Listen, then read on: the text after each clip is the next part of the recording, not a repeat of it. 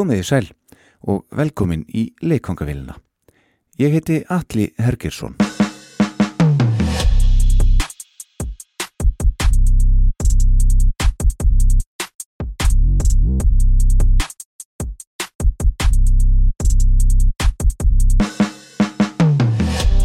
Jónsmessa hinn sjötta er það í dag. Við Jón Agnar höfum komið víða við í Jónsmessu röðinni í síðustu þáttum. Þáttum sem allir hafa fengið góðar viðtökur sé eitthvað að marka bæði skilabóð ykkar sem og hlustunatölur. Takk fyrir það. Við höldum áfram í dag. Jón hafði fyrirfram stilt upp alls sex þáttum og er þetta því sá síðasti af þeim. Hvort framhald verði á verðum við að fá heyra betur um hér í lok þáttar. En ég veit að veri víst að nóg er til í þeim sarpinum eins og ég hef reyndar sagt áður. Í þessum þætti ætlum við að kíkja á nokkuð sérstaka tónlistarstefnu sem kallast shoegaze eða skógláp.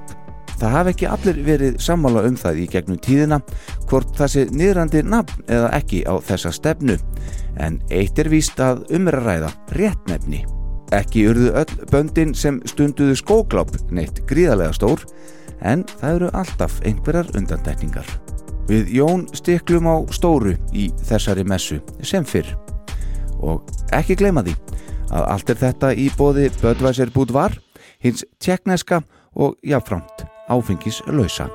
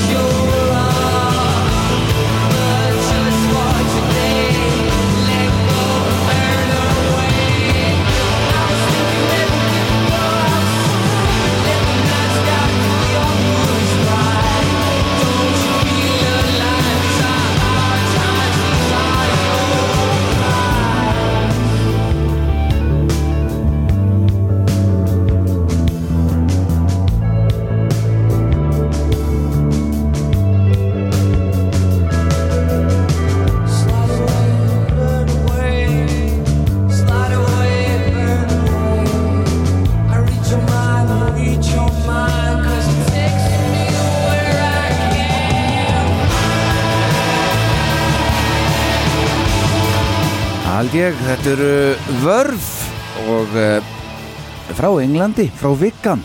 Frá Viggan blessaður. Já, já, já Þetta er síðan í júni 1993 af þeirra fyrstu blötu A Storm in Heaven. Já, þeirra bestu að minnum að Já, það er svoleiðis. Já, þetta er mjög vel, sko Nú gera hlustendur okkar sér kannski ekki alltaf grein fyrir því Nei, En við vitum nú sjálfnast hvað hinn er með í pókahortinu fyrir hvert þá já, það er nú svoleiðis. Þannig að þetta kemur mér ánægulega og óvart Já. Þetta er, þetta velvalið laghjöður Hakkaði fyrir. Af þeirra bestu plötu og fyrir mínu parta er að Stormin Heaven miklu betri en hinn miklu vinsætli Urban Hymns. Já, vá, sem að gerði allt berjála Gerði allt- þarna, hvað fjórum árum síðar? Já, Mhm. og bara nú allir ég, er ég vonandi ekki að strjúka einhverjum hlustendum öfugt til ég segi mér, finnst hún standa þessari tölvertabaki og risa, risa smellunum þeirra um heim allan Mhm. Bittersweet Symphony. Er bæði leiðingjant og tilgerðalett lag. Hana nú, Þar voru þeir uh, komnir út í svolítið svona sinfoníurokk ég veit ekki hvað þeim að kalla Nei, ég veit ekki heldur. þetta, var, þetta er lag sem klifar á sömu lúpunni alla, allar heilu, ég man ekki hvað marga mínúturnar og svo í ofanálag þá seldu þeir Opel þetta lag til þess að Mm. spila í Opel Astra auglýsingu. Allt við þetta er bara slaft Já, en þessi platt er opbóslega fín. Já, og ég man alveg eftir henni svona, veist, frá því rauntíma á sínum tíma. Já, og ég held að þetta er bara bísna skemmtilegt band og svo kemur þessi Urban Hymns platt út og það fór eitthvað heldur á annan veg. En ég minna þeir fengu salt í grautun og rúmlega það. Heldur betur og, og sko þeir eru nú ekki starfandi í dag að ég held en, en, en gerðu nú ansi gott mótaða meðan þeir voru og hétu. Já, já, við getum sagt þeir svona nötu virðingar og, og svona fólk, fólk í bransanum droppa, þú veist, það þóttu mjög fínt að droppa nöfnunum þeirra. Já, Í árdaga síns ferils þá var Noel Gallagher hins vegar uh, hann var rosa hrifin að þeim. Mhm. og talaði um að hans æðsti draumur, hvað var það, bara tónlist það væri að vörf heldur tónleika á tunglinu. já. Þá meina ég ekki í skemmtist þannig við lækjagutu Nei, nei, heldur, heldur á fylgibla- fylgiðnetti jarðarinnar sko. Já, og hann svona droppaði þeim og reynda að hanga svolítið með Richard As- Ashcroft söngvara og, og þar sem þetta það var nú í mínum bókum ekki endilega bandinu til framdráttar. Nei, nei Nei, ég er svo sem alveg sammála því. Ég verð nú að viðkjöna það. Og öðruglega er að strúka fullt af fólki alveg kólaöfugt okay. með þessu öllu saman. Ég, Mér heyrist við hafa svipa álita á Oasis sem að eru þó ágættir inn á milli, ég teka fram.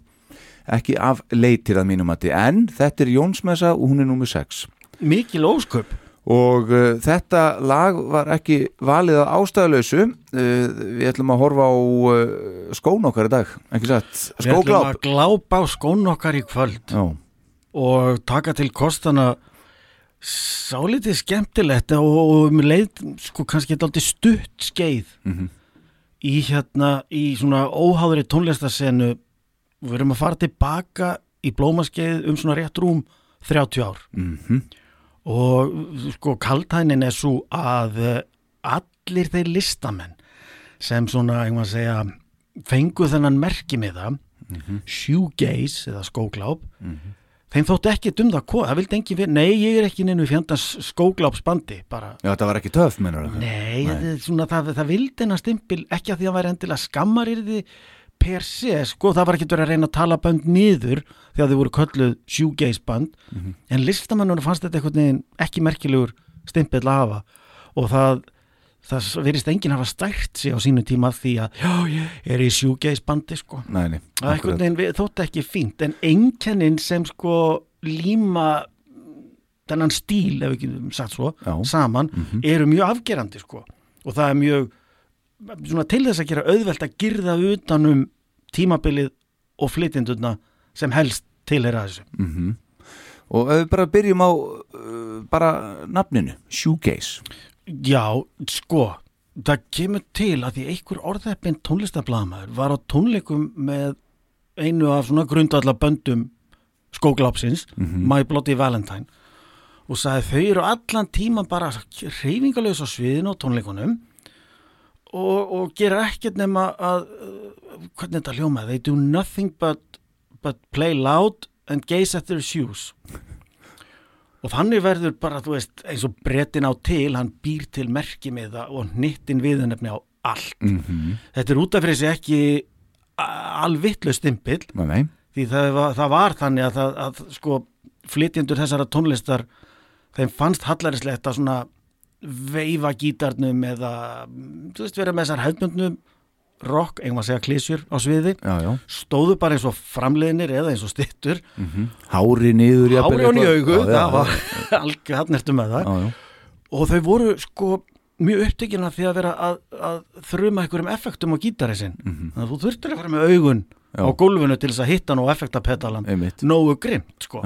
Því það var eiginlega öll heila reyfingin fyrir utan hendurnar sem fóru svo vinstri eða önnur allavega eftir fengum upp og niður gítarhálsin og hinn strauk strengina mhm, eða bassan sko þá er þetta bara fóturinn sem þau skjótu út endrum og sinnu til þess að til þess að effektur að gítarspila Já, sig já. sko. þannig, þannig kemur þetta til og þetta er hljóma pínu svo sé að vera að gera grína að, að listamennunum mhm. en þetta er samt ekki alveg út í hött sko. Ef maður sér upptökur með tónleiku upptökur með flestum af þeim böndum sem við munum taka fyrir í kvöld Mhm. þá er þetta akkurat tilfelli En þetta er uh, svona tónlistarstefna sem að hún hefst þarna í, hvað ég var að segja, seint á áttunda áratugnum ekki satt? sko, ertu þá að tala um 70s eða ertu að tala um 80s Já, ég fyrir ekki 80s er ég að meina. Jú, þá svona springur hún út Já, uh, það er níundi áratugurinn. Það er faktist Já, já, en sko. mér er bara einhvern veginn orðið tamt að tala um áttuna og níuna Já, við skulum gera það bara hér. mér finnst það það. Seint í áttunni. Þá byrjar þetta. þá springur allt út sko. Mhm. en ég myndi segja sko platan sem nánast býr stílinn til hún kemur út um miðja áttuna, 85 og þar eru strax til staðar ákveðin einkenni sem valda mm, já, ég myndi sess, taka svo djúpt árun að segja að þau valdi strömmkvörfum í óháðari tónlist. Það sem eftir lifir áttunar smitast yfir í nýjuna en það er svona hægt og rólega fyrir að vinda stofan af þessu og aðri hluti taka við. Mhm. en það kemur út plata 85 sem slær rosalega ríkan tón í indie músík og hefur áhrif mjög víða. Og þar, þar er bara þessi þessi mikli bara, þetta er nánast eins og sko hækkus konar háfaðapopp rosalega effekteraður og mikill gítar fast spila á trommur og söngurinn er svona frekar monotóniskur, hann er næstum því eins og sért ekki í reynd að syngja melódi, heldur þú sért svona að drafa eða tala nánast. Og það er ástæða fyrir því hvernig það kemur til sem, sem við getum bara komið inn á, ef að vinda okkur í fyrsta lag þú veist, eða á ég að gefa smá info um það fyrst Já, hvernig verður það? Tökum bara smá spjallum þetta. Já, bandið sem sé sem svona mér telst nú fyrir mína parta til Og hvaða plata var þetta, hann 85? Kansi? Platan heitir Psycho Candy Mm og er með henni geðþekku hljómsveit The Jesus and Mary Chain Já. Þeir og, og, og sko Blóti Valentine, koma ansi mikið við sögu bara þegar maður er að skoða shoegaze. Já, já, já, þetta eru eiginlega svona kannski bautasteina böndin sko. Já. Það er nú þannig, þetta er skost band Jesus and Mary Chain og hún er skipuð svona stopninu til uh, getur við sagt í gegnum allan sinn starfferil bræðrunum Jim og William Reed. Mhm. bandið er stopnað í East Kilbride árið 83 og þeir bræður svona þeir eru þeir einu sem alltaf verið í bandinu þannig að það er svona kannski ekki tóntmál að tala að þylja upp hverju voru fleiri með þeim. En þó uh, á trommur í upphafi Mhm. var sveitungi þeirra að landi frá Skotlandi Mhm. Bobby nokkur Gillespie sem með tímanum ákvæðir ég nenni ekki að sitta einn aftast á sviðinu og vera trommuleikari. Ég ætla að fara fremst á sviðið stopna nýja, hljónsett sem heitir Primal Scream. Það er sá Bobby Gillespie. Já, já, hættu. það er nú þannig. Já. E, þá bræður e, Jim og William Reed hafði frá blöytu barsbeini langað að vera í bandi. Mhm. þá langaði bræðurna að vera saman í, í einhver, einhvers konar rockljónsveit og þeir hafa mestan áhuga á svona pínu bjöguðu og ekkert allt of, segja, vönduðu gítarpoprocki. Mhm. þeir voru þar alveg sko, þeir eru undir áhrifin frá pönginu það er ekki hvað þú kant þetta er bara hvað þú gerir þetta er svolítið þú, þú hérna Þessi sena er pínu þar. hún er nefnilega pínu þar Já. og þetta, það er þetta heimfærið á mörg af þessum böndum Mhm. það, það er svolítið hugsunátturinn Já. og hann byrjar hérna hjá, eigum að segja þessum frumherjum skóglapsins Mhm. og þeir hugsuðu með sér hann í upphafi áttunar þegar þeir eru að byrja að fara út í bílskur sko, heyrðu við erum á frábærum tíma með að vera með svona bjagað og ekki sérstaklega vandað eða, eða að gítarrock því það eru eiginlega allir að gera rosalega vandað og fínir sér að svona elektropop einhvern veginn, mm -hmm. að því nýromantíkin og, og svo einhvern veginn að segja risastóra sneið af áttu kökunni, hún er allsarandi náttúrulega mm -hmm. í upphafi áratugar Soft Cell og Human League og Deepest Mode mm -hmm. þessi bönd er að riðja sér til rúms með nýjan stíl sem var þú veist, ansvari við pönginu -hmm. en þeir rítbræði, þeir vildu bara við viljum að gera öðruvísu tónlist en við viljum vera daldið í prinsipinu sem pöngi gekk út á mm -hmm. maður grýpur hljóðfæri og maður gerir eitthvað en Þannig... samt er þetta svona allt ekki allt, það nú ekki svona mikið þessu megniði jafnvel svona miklu hægara miklu miklu svona... og það ber dálta að þessum brunni Já. þeir nefndi ekki einhverjum hamagangi mm -hmm. eða þryggjagripa þú veist, djöfylgangi þú veist, eins og, eins og pungi að, að mikið til er því mm -hmm. vildu gera aðra hluti -hmm. en svona dálti út frá sem er hugssjón uh, að kom reynda pínu pappi í bátinu upp af því hvoru þeirra vildi vera söngvari. Þeir vildu bara fá að, að, að sarga sína gítara. Þetta var leist með því að kasta peningi. Eins og maður gerir. Eins og maður gerir. Uh, Jim tapaði hlutkjastinu mm. þannig að hann var gjörðsólu að vera söngvari. Og þú heyri nú alveg sko í tónlist The Jesus and Mary Chain að þarna fer ekki maður sem hefur þráð að vera söngvari allt sitt líf nei, nei. Eða, eða er flytjandi af, af sko ástríðu og, og, og guðsnáð hann er þarna bara því hann tapaði hlutkjasti og meira fáið ekki En er ekki pínu pöngið í?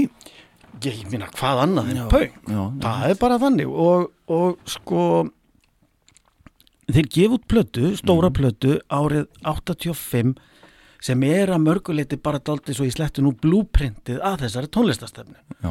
þetta er sko, þú veist, ég man ekki hvort hún fekk eitthvað merki með það á sig alveg strax, ég held að sé ekki fyrir nokkur um tónleikum 87 hjá My Bloody Valentine sem það, þetta sjúgeisnab verður til mm -hmm. en uh, Pínu fyndi að segja sko þeir, þeirra ferill högti svolítið í upphæfi þegar hérna e, þeir voru að taka þátt á samt fleiri hljómsutum í einhvern tónleikum með minnir í London 85, sama ára og platan kemur út mm -hmm. og eitthvað af böndun sem hafa verið að spila undan var með dólk gagvart áhörendum einhver í bandinu flegi bjórflösk út í sal og, og úrverður læti og það er komin hiti og illt blóð mm -hmm. í áhörendur Þannig að þegar þeir koma á svið allt og seinar því þeim leist ekkit á blikuna þeir þorða ekkit á svið ekki fyrir klukkutíma eftir að þeir átt að mæta að þá loksins láta þeir tilleiðast og fara upp á svið. Mm -hmm. nema svo spilaði bara í einhverja 20 mínútur og þá fara bara paksviðs. Þá var líðnum nóbóðið og hann stormar á svið og rústar þar þeim tækjum sem eru fyrir og úrverðu bara hasar. Mm -hmm. bara þá kannski lauruglan kom bara með látum og skakkaði leikin það spurðist út að þessi hættulega nýja háfaðaljónsett Jesus and Mary Chain, það er alltaf slagsmál og tónlíkonu þeirra. Jú, jú, og það fór að loða við þá það var alltaf einhver, einhver slagsmál. Mm. og, og þeir sögðu ykkur viðtölum bara þetta er glatað, það er ekki svo vissið um að byggja með þessa vittlisu, þannig að fólk var að fara að mæta nefnilega bara, ég veit ekki um þessa ljónsett, ég bara mættu til að slást. En þetta er nú sem betur fyrir eitthvað sem laðist nú til, til hliðar fljótlega eftir að, að þeir fóru að skapa sér nafn og Þetta var svona, okkur hérna heima og sveitaballunum sendt inn í unni Mikið lóskap Ekki hugmyndu hvað band er að spila Nei, nei, ég bara mættu til, til að taka á því sko. Hirt, Hirta mann og annan. En platan Psycho Candy frá 85 er, er bara alveg frábælega skemmtileg. Já. og að mínu svona viti þá súplata og svo Honey's Dead frá 92 mm -hmm. það er svona plötu sem öllum sem á annar borð sko er kærtum daldi svona innan gæsalappa óháða gítarmúsík mm -hmm. en til að tjekka á þessum blöddum sko Ok, þannig ertu með svona pínu upphafið og, og kannski aðeins svona nálægt restinni líka sko Já, þegar það, þú veist þannig að þeir, þeir, þeir endast þess að, ég var að segja svona sjö ára blómaskiðstöfnunar sko, já, já. með tveimur rosafínum blöddum mm -hmm. sem, eru, sem eru þarna bara nánast, vil ég ekki að segja bara klassíska blöddur Já algjörlega. Mhm. þetta er auðvitað, þú veist, músík sem hendar ekki alveg öllum. Meni. svo það er bara komið fram strax Þetta en bara- þessa tvær sko. Já, og, og ba ba bara hann að fólk eh, sé búið undir það að þetta er heavy þáttur sko. þetta er Já, hér- shit sem er í gangi hér í já, dag. já, hér er bara svo mitt hér hér er töluð alvara. Já, hér Já. er töluð alvara og, og, og hér er skíturinn þungur. Akkurat, já, þessi skýtur áverð þungur. Og bara hann er þessi sagt þá átt þú uh, öll lögin hér í dag uh, fyrir utan uppafslægið og endalagið. Jú, jú, þetta er uh, til heiðus þér Jón Agnar. Ólason og uh, Jón Smössunar já, hakkaði fyrir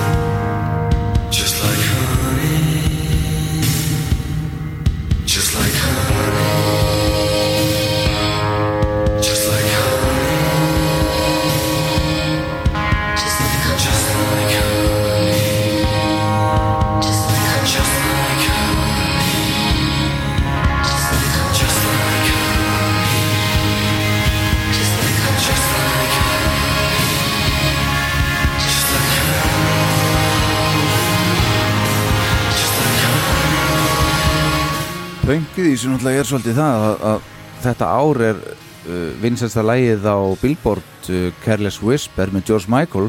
Og svo erum við að tala um Like a Virgin með Madonna er hérna Money for Nothing, Dire Straits.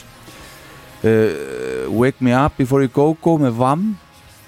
Þetta er alveg klálega pöngið sem er í gangi í þannig þú getur, þú meina, hversu, hversu óháð og, og, og indi er þetta alls Já, alveg gríðarlega. Einmitt. En sko, ég fór að velta fyrir mér einmitt þetta aldrei fyndi til þess að hugsa að, að þarna er eitthvað sem tapar hlutkjasti og, og þarf að vera söngvari.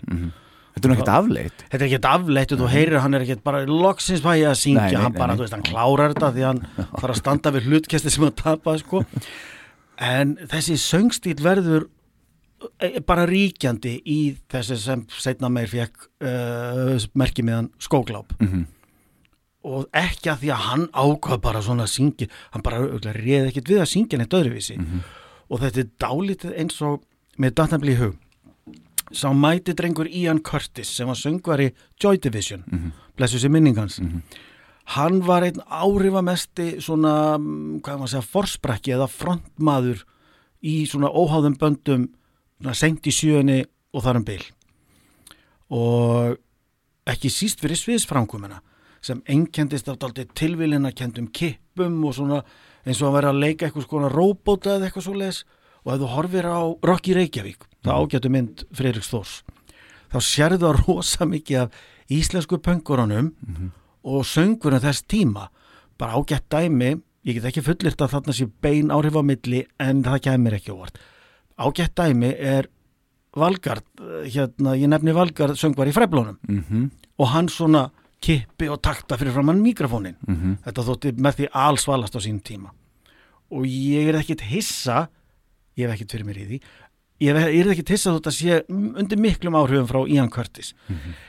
Ian Curtis reyði hins vegar ekkit við þetta. Hann var bara með flogaveiki á háu stíi sem var haldið niður af mjög sterkum livjum, þannig að hann fór ekki flogakast á sviði nei. en hann var í talsverðum kippum og meðan hann var að syngja Já, og fólk sá þetta sviði og bara djö, er þessi með cool sviðsframkomi ég var aldrei sem neitt þessu líkt til að gera eins og hann. Ég þessi stöfið þess vegna þú veist heyra menn Jim Reed syngja og bara mm, þetta er svolítið cool, það er verið að gefa skít í allt. Já, hann syngur á þess að eiginlega nenn að syngja til að gera svona líka. Og sko bæði menn og hvor, eða hvað að segja, söngvarar og söngkonur næstu ára já, taka þetta bara mjög grimt upp já. í bara, sko langt út fyrir Þannig að þetta er bínum það sem við viljum bara fara að heyra núna í dag. Þessi söngstíl er mjög lýsandi dæmi um skóglápið Ok, það er ekki verið að, að sko fennja ratmöndin og fara upp einhverja skala. Nei. það er svona nánast verið að drinja áfram. Það er engin óhljóðið öskur.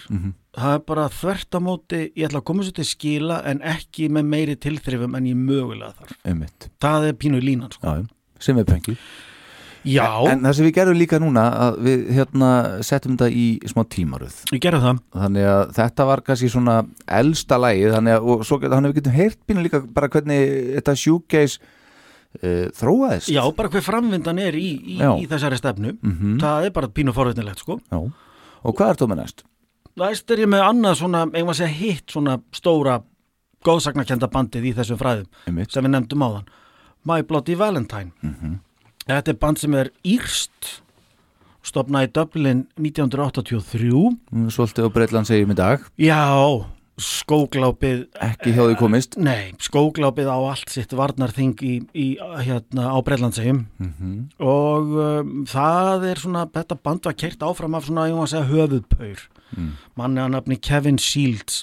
Með honum voru samt áhrifa fólk þannig að ekki síst trommarinn hérna uh, írski Colm O'Quiosig hann og hans sound er daldið svona, ég má segja, gefið tónin eða taktin í skóglápinu, þar sem hann landi fast. Einmitt. hann landi bísna fast og með þeim voru svo hérna mm, söng og gítarleikarin uh, söngkonan og gítarleikarin Belinda Butcher og bassaleikarin Debbie Googe. Þetta band skildi eftir sig svakalega fína plötur, tvær. Þau komu aftur saman setna meir sem er önnur saga en plöturnar þar sem við sendum frá sér þarna á, á blómaskeiði skóklapsins Mhm. uh, platan Isn't Anything frá 88 og þó sér í lagi þeirra svona eins og það heitir Magnum Opus, platan Loveless frá 91 sem er ekki bara sko eitt af höfuverkum skóklapsins, heldur bara plata sem sómi sér meðal bestu rockplatna nýjunar frábær plata alveg hreint. Hrikalega skemmtileg.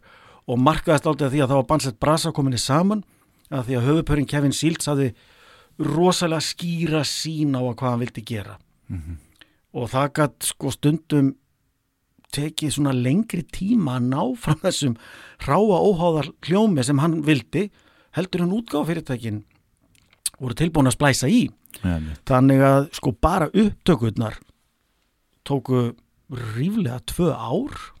Já, og það var flakkað á milli 20 mismunandi stúdíóa hljómar eins og einhver uh, pínu sérvitringur svona, Já, já, Já. eða, sko sumi myndi segja séni en hinn hliðin á þeim peningi er náttúrulega sérvitringu já, sko. já, já, já. það er bara þannig Já, En sami peningur sami peningur, Mhm. hann var sem sé Kevin Shields ekki tilbúin að gefa nokkurn einasta afslátt af sinni listrænu sín og hann hefði náttúrulega bara verið útmálaði vittlesingur og, og peningasóari ef að platan hefði ekki verið svona stórkostlega góð þegar hún kom út Já, en þetta kostiði blóðsvita og tár og alls konar vesen og sko þetta var svona maður segja svona kaplaskipt lífverðni í góð tvö ár.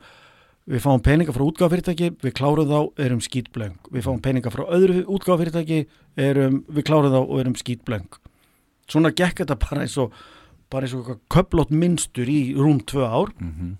þangað til að platan kemur loksins út og hún er auðvitað sem framar grindi sko, hún er bara, hún er bara með því allra besta sem þessi stefna gat af sér og bara fer upp í hillu með öllum mismunandi rock uh, einhvað að segja vinklum nýjunar Mhm. hún er bara uppi með Nevermind og Super Unknown og, og öllum þessum Já, plötum þetta sko. bandur náttúrulega hafði gríðaleg áhrif á, á fjöldan allan af, hljómsveitur sem eftir komu algjörlega. sem eru ekkert í þessari stefnu Nei, nei, nei, nei, ekkert endilega, alls ekki. En, en svona soundið og nálgunin og feelingurinn og hvernig oft sko melodíum var komið til skila með mjög ráum og háaðasumum hætti var eitthvað sem mjög margir tóku, tóku til sín.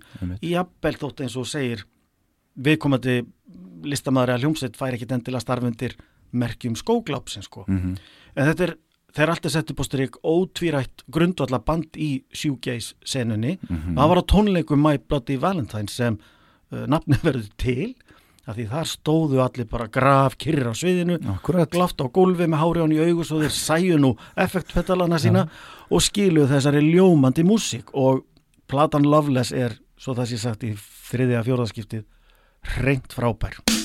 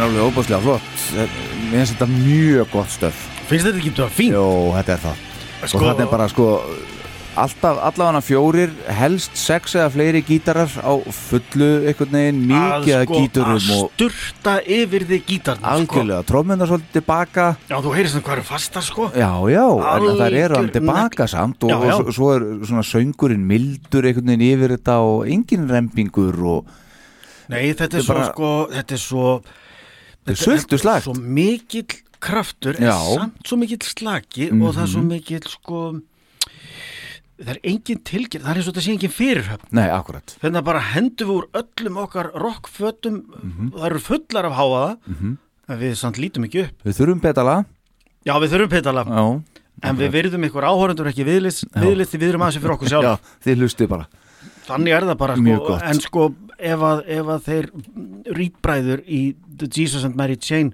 byggur til svona kannski fyrsta skapalónið að þessari músík, þá er hún fullkomnuð af þessu bandi. Já, bæði hvað var það bara þennan bjagaða gítartón þjætta trommuleik Mhm. og svo söngrödd Bilindu Butcher. Þetta, er, að- þetta er bara þvott ekta sjúkei sko. þetta er alveg í orðabókinni er bara hljóðdæmi um þetta við hliðin orðinu sjúkei Mhm. Já, já, ég meina nafnið á bandinu er bara við hliðin og það sko ég, ég bara mein nákvæmlega kjarni alveg, málsins eiginlega alveg sama hvar úr dreipinu þið fæti á netinu það er bara þannig það er þetta bara góðsagnakent band og Já. alveg gríðarlega áhrifaríkt Já, gríðarlega áhrifaríkt mjög gott Já. Þá höldum við áfram og þá ertu með hvað? Ég ætla að taka smá kannski út úr, úr, út úr þessu venjulega hvað, út úr venjulegu sjúgeisfræðunum Mhm. það er nefnilega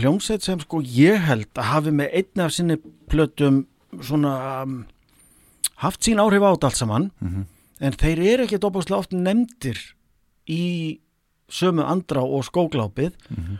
af því þeir eru alltaf sko þeir eru alltaf neldir fastir á goth básinn Já, þetta er hinn góðsaknakenda hljómsveit The Cure Mhm. The Cure finna mjög snemma á sínum ferli sem er uh, rétt fyrir og um uh, 1980 finnaði mjög flottan hljóm og eina mínum uppáhaldsplötum með er platan Faith frá 81 frábær plata. Og þannig svona segja, þekkti fólk þá í byli en um miðja áttuna taka þær upp svona daldi léttara hjal og, og það olli nú bara Robert Smith forsprakka og aðalsbrautu bara hálfgeru hugarangri ef ekki þunglindi Mhm. þannig að hann ákveður seint í áttunni að nú sé málað linni. Nú þarf að henda bara í drama og erfiða tilfinningar og nánast þunglindi aftur ef hann er ekki bara verða mjög miður sín með allt saman. Og úrverður að mínum að þetta er allra skemmtilegast og besta plata Cure, Mhm. Disintegration. Ok. Sem er bara eiginlega nánast svona fullkomin gítar poprock plata fyrir sinn hatt. Og má svona kannski leiða alveg getum að því að þetta er þetta er Cure platan sem eiginlega allir fíla Ok. sem hafa hana bara uh, hlusta á hana rétt eins og jafnvel þótt að sko fólki leiðist hálfpartin allan að fíla ekkert mjög mikið R.E.M. Mhm. þá viðurkenna allir að Automatic for the People er frábæð plata Já, sem hún er Já, já, og svo framvegis Disintegration er Cure platan sem svona eiginlega allir svona jafnvel með semingi fallast á að sé jú fjandi góð sko. og þarna kveðu við þannig tón að það, það, það er að, sko það vera einmitt hella yfir þig fullt af gítar sem er alveg stappfullur af alls konar effektum. Flest lögin sko eru bara í mínútu kannski að, að, að maka strigan út af, af einhverjum þungum litum og effektum áður en það byrja að mála myndina sjálfa með, með söngnum sko. það bara, mig, bara nú, nú skulle ég gera svo hlusta bara gítar í 60 til 90 sekundur áður eða heyrið stafkrók koma úr barka Robert Smith. Ok. Og það virka bara hrikalega vel hljóðheimurinn er ómótstæðilega kúl lagasmíðanar eru rosalega flottar dramað bara er mjög trúverð á þess að verða tilgerðalegt og bara pakking, geng- þú veist, hvað get ég sagt coverið það er bara, þetta bara pakki sem gengur upp eins og flottu plötunar gera. Það bara, þetta er bara kapall sem bara flútar. Ok. Og ég vil meina þó að það sé kannski ekki mikið af segja, heimildum fyrir því á netinu ég held að þessi plata hafi pottjett haft sitt að segja í svona áhrifa þróuninni á sjúgeisinu á þessum tíma. Hún kemur út svona í þann uh, veginn sem svona hápunkturinn er í þessu öllu saman, senkt í áttunni sko. Og þarna heyrist bara, þú veist gítar með bönns af effektum er bara hrikalega kúl við höldum þessu áfram að því Cure er að gera hrikalega flotta hluti um þessa myndir ok. Og lagið sem ég pikkað út er mjög lýsandi dæmi um þetta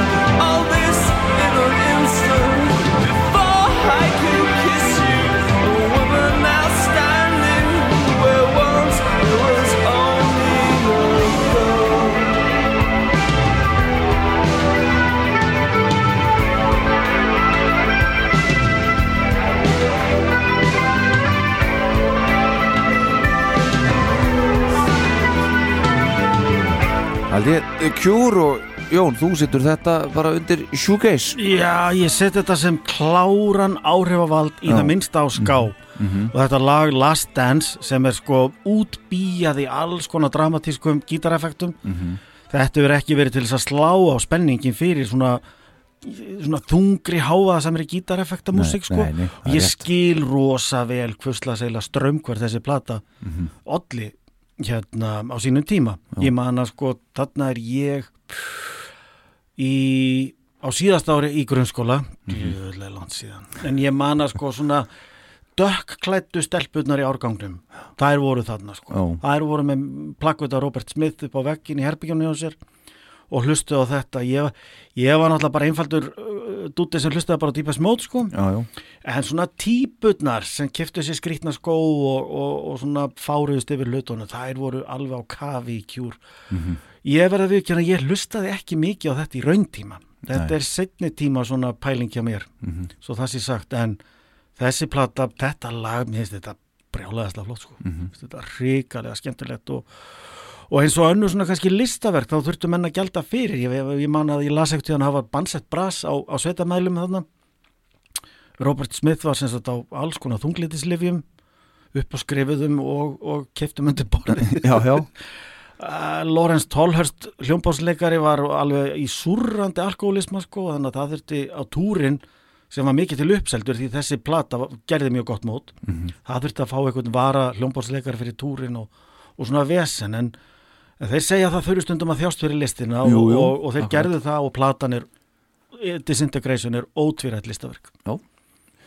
Mjög gott Yes sir. uh, On we go On we go. Já, Nú erum við að komast í svona kannski böndin sem voru sko uh, fáruðust, jú, jú, alveg yfir því, nei, við viljum ekki vera að kalla það sjúgeis, en eru svona kölluð, eigum að segja, kjarnaböndin sem sko verða til, uh, bygga ekki til seninu, en sko spruttu upp inn í hana miðja og hamrana heim. já, já Og þar er band sem, jésús minn, hversu oft þetta fór nú undir geislan í mentaskólapartíunum, það var, voru allir með, ef þú áttir ekki plötuna Nowhere með Ride, Ok, þá varst ekki alveg gildandi, sko, þá þurftur bara aftast í rauðin og reyna aftur. Mhm. Og þarna er band sem er stopnað 88 í Oxford og hún er stopnað af þeim Andy Bell, Mark Gardiner og svo slóðust í hópin Lawrence Colbert og Steve Querelt og þeir uh, voru svona einhvern veginn þeir bara dúka upp á alveg hárréttum tíma. Þeir, það, þeir, svona, þeir svolítið grípa boltan ef við getum sagt sem svo en stopnuð 88 er nú öruglega, jafnvel verið að hlusta eitthvað á þetta Þú getur rétt ímyndað sko. Þarna og hérna hann Andy Bell sagði sko að meðal hans svona helstu áhrif að valda í aðdraganda þess að platan er, er hérna mm, tekinu upp, platan Nowhere þeirra fyrsta breyðskifa sem er bara ótvírætt stórvirki. Mhm. þeirra svona helstu áhrif að valdar voru voru Stone Roses svo frábæra hljómsett e, Smiths sem er kannski, þú veist, svona viðbúið og Sonic Youth. Já, já, og þeir tóku svona þennan uh, skógláps hljóðheim og að margramatið svona nánast fullkomniðan á þessari plötu. Mm. drafandi söngur uh, effektaði gítar uh, hérna svona hljóðheimur sem heldi svona daldi yfirmann mjög viðegandi að það er risastór alda, það er mjög, mjög fallegt cover á þessari plötu og ræt meg að eiga það þótt að plötunar hafa verið misjafnar að gæðum í framhaldinu þá voru þeir aldrei með sko svipuð mótíf á plötuna þeirra. Mm. þau eru gjörólík. Ok. Það eru engin tvö uh, hvað var það, plötu cover Mhm, Já, já, Ljótt- Já, ljótt var, umslög. Já, takk.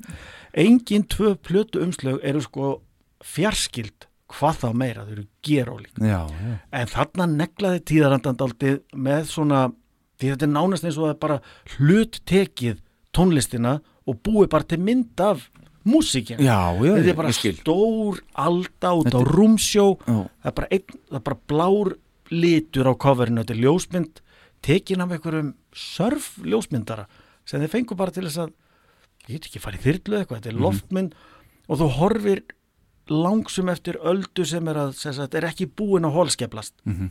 Þannig að þetta er bara svona toppur, nánast eins og fjallsryggur og hún heiti Nowhere. Þetta er eins og Disintegration þetta er bara, þetta er konsept sem gengur upp. Nafni á plötunni, plötualbúmið öll heila músikin og þeir voru enga stund að verða rosa hátt skrifaðar af bresku, bresku poppressunni. Þarna var komið eitthvað nýtt sem hljómaði flott. Og ég man meiri sig að sko þegar að, að nei, ég man nú reyndar ekki hvað blað það var en eitthvað blað gerir rosa mikið úr því sko hvernig nafni var komið til. Það var þannig að þess að þetta rætt gefur til kynna einhvers konar ferðalag eða tripp sem þeim fannst góð músík að vera og svo notum við tripp symbali úr rosa mikið sko. Það er að segja að það sem heitir víst réttunafni rætt symbal sko. Já, já.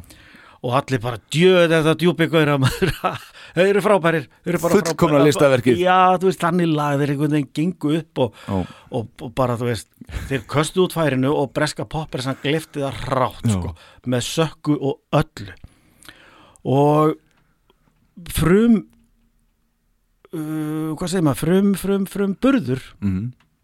þeirra, platan Nowhere hún er svona, þú veist hún var eitthvað tíma sett undir hatt Britpopsins en það er eiginlega í raunin ekki alveg maglegt, þeir eru miklu þingri og hægari og tormeldar en það Mhm. en þetta er plata sem var fast fast í, í svona uh, snúningnum á sko í öllum bara mentaskólapartíum Mhm. liggum með við og hjá öllum vinnunum sko og ég velti pínu fyrir mér sko þetta er bara að, að þessu lístu bara í kolluna með núna að þessi músík var daldið til þess fallin að menn settust bara við sko hérna, hljómtækin í stofunni hvar sem partíið var.